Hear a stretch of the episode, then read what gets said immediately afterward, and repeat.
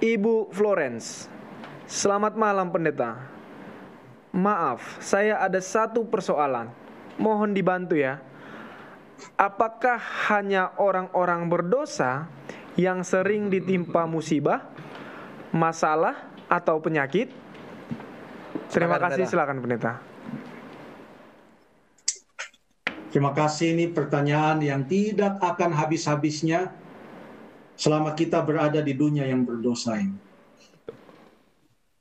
Dan ini adalah merupakan pemahaman bahkan semenjak dahulu. Dan memang kalau kita mau baca satu pasal itu dalam ulangan pasal yang ke-28 keseluruhannya tentang berkat dan kutuk, siapa yang menurut mendapat berkat, siapa yang tidak menurut akan mendapatkan kutuk. Itu pasal 28 bahkan masih terus di pasal yang ke-29. Tetapi ada hal-hal yang terjadi di luar hal tersebut.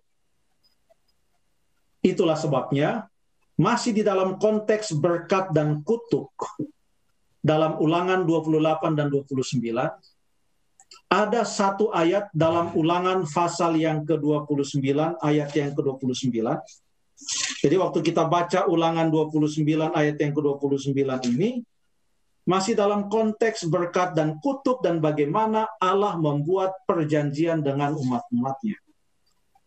Ayat ini berkata, hal-hal yang tersembunyi ialah bagi Tuhan Allah kita tetapi hal-hal yang dinyatakan ialah bagi kita dan bagi anak-anak kita sampai selama-lamanya, supaya kita melakukan segala perkataan hukum Taurat ini.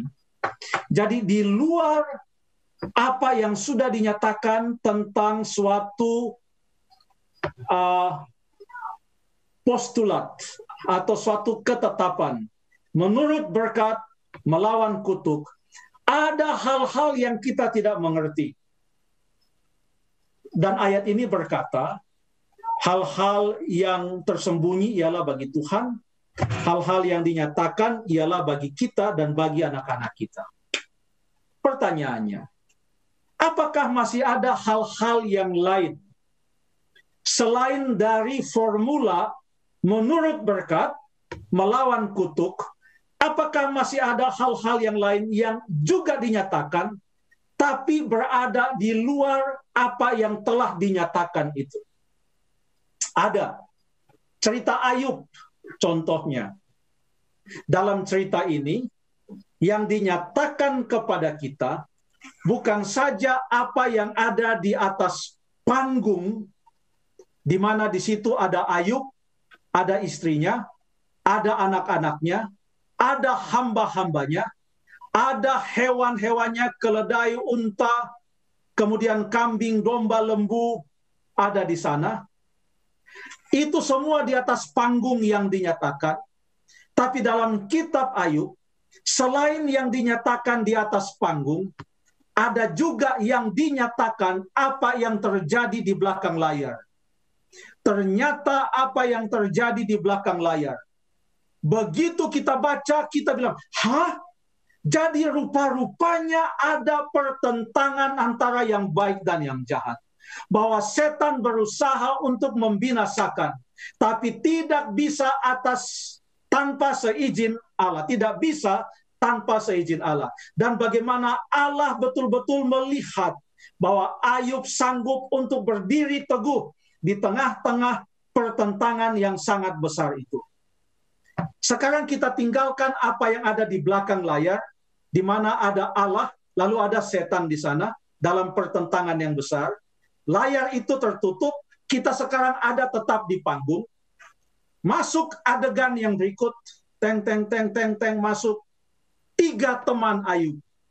Tiga teman Ayub ini, demikian juga Ayub, demikian juga istri Ayub, semuanya hanya melihat sekeliling apa yang ada di panggung. Sementara kita pembaca sekarang dinyatakan dalam firman Tuhan bukan yang hanya di atas panggung, tapi yang dinyatakan kepada kita juga adalah apa yang di belakang layar. Datanglah kemudian Bildad, kemudian Sofar, mereka datang. Lalu kemudian karena mereka tidak lihat apa yang ada di belakang layar, hanya ada di depan panggung, formulanya adalah kalau kamu setia kepada Tuhan, tidak mungkin kamu sakit seperti ini. Itu semua yang mereka ucapkan sampai kepada pasal yang ke-31. Pasal yang ke-32 datang orang yang lain yang bernama Elihu. Seorang muda. Yang sudah tunggu-tunggu-tunggu. Ini orang-orang tua bicara lama sekali. Akhirnya dia tidak tahan. Dia bilang, biar saya muda, saya mau bicara. Waktu dia bicara, sama saja. Dia hanya melihat apa yang ada di atas panggung. Beruntunglah saudara dan saya, kita mempunyai suatu contoh tentang apa yang terjadi di belakang layar. Sehingga kalau ada hal-hal yang terjadi di luar ketentuan menurut berkat melawan kutuk, kita tahu ada sesuatu yang hanya Allah mengetahui, tapi kita percaya semua ada dalam pengendalian Allah. Justru dari pertanyaan Ibu Florence ini, apakah hanya orang-orang berdosa yang sering ditimpa musibah, masalah atau penyakit? Jawabannya atau pertanyaannya saya mau balik.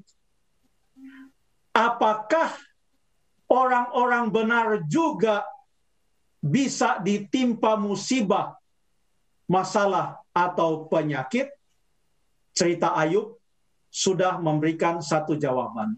Ada juga jawaban yang lain yang kita bisa dapat, tapi bukan dalam bentuk cerita, tapi sebuah kesaksian dalam bentuk lagu. Kesaksian dalam bentuk lagu ini ditulis di dalam kitab Mazmur pasal yang ke-73. Kita baca Mazmur pasal yang ke-73 ayat yang ke-1 kita baca. Ayat yang pertama ini adalah memang ini ketentuannya sesuai ulangan 3, 28.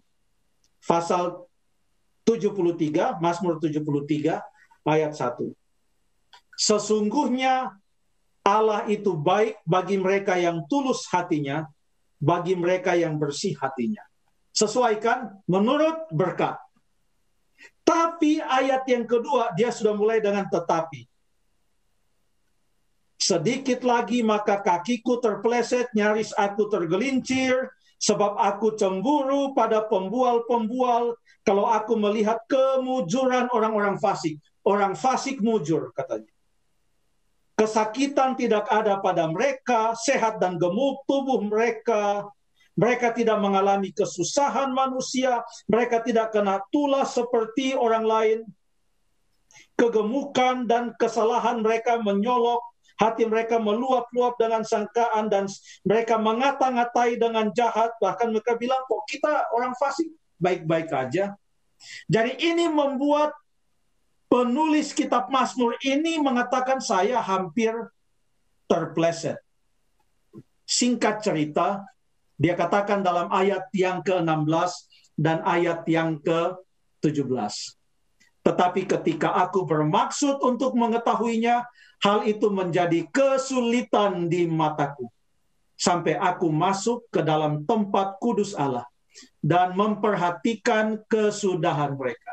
Ia masuk ke dalam bait suci dan di sana melihat kembali bagaimana upacara-upacara di bait suci itu dilakukan korban-korban. Kemudian di sana ada tujuh kaki dian, di sana ada rota, eh, meja roti, ada kemudian mesbah untuk pedupaan dan di luarnya ada bokor pembasuhan, lalu ada juga di sana mesbah korban bakaran, belum lagi upacara-upacaranya dan belum lagi tentang peti perjanjian yang ada di dalam bilik yang maha suci, maka ia mengetahui bahwa Allah memegang kendali. Bahwa tanpa ada pengampunan dari Tuhan, tanpa ada korban bakaran, tanpa percaya kepada kuasa dari korban itu yang menggambarkan kuasa Yesus.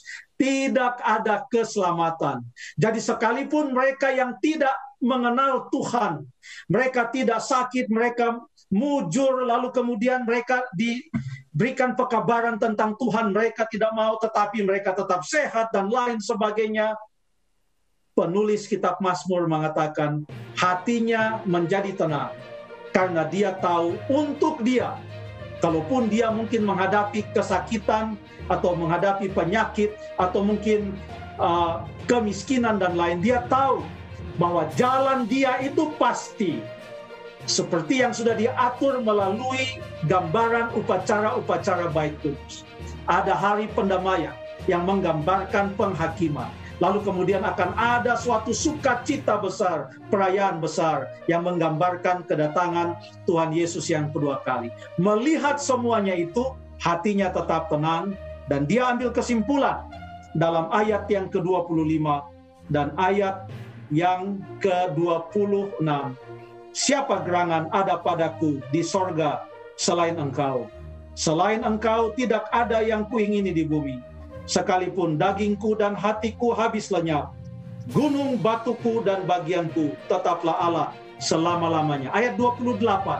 Tetapi aku aku suka dekat pada Allah. Aku menaruh tempat perlindunganku pada Tuhan Allah supaya dapat menceritakan segala pekerjaannya. Sekalipun banyak hal yang tidak kita mengerti, yang penting kita tetap dekat dengan Tuhan. Terima kasih Ibu Florence.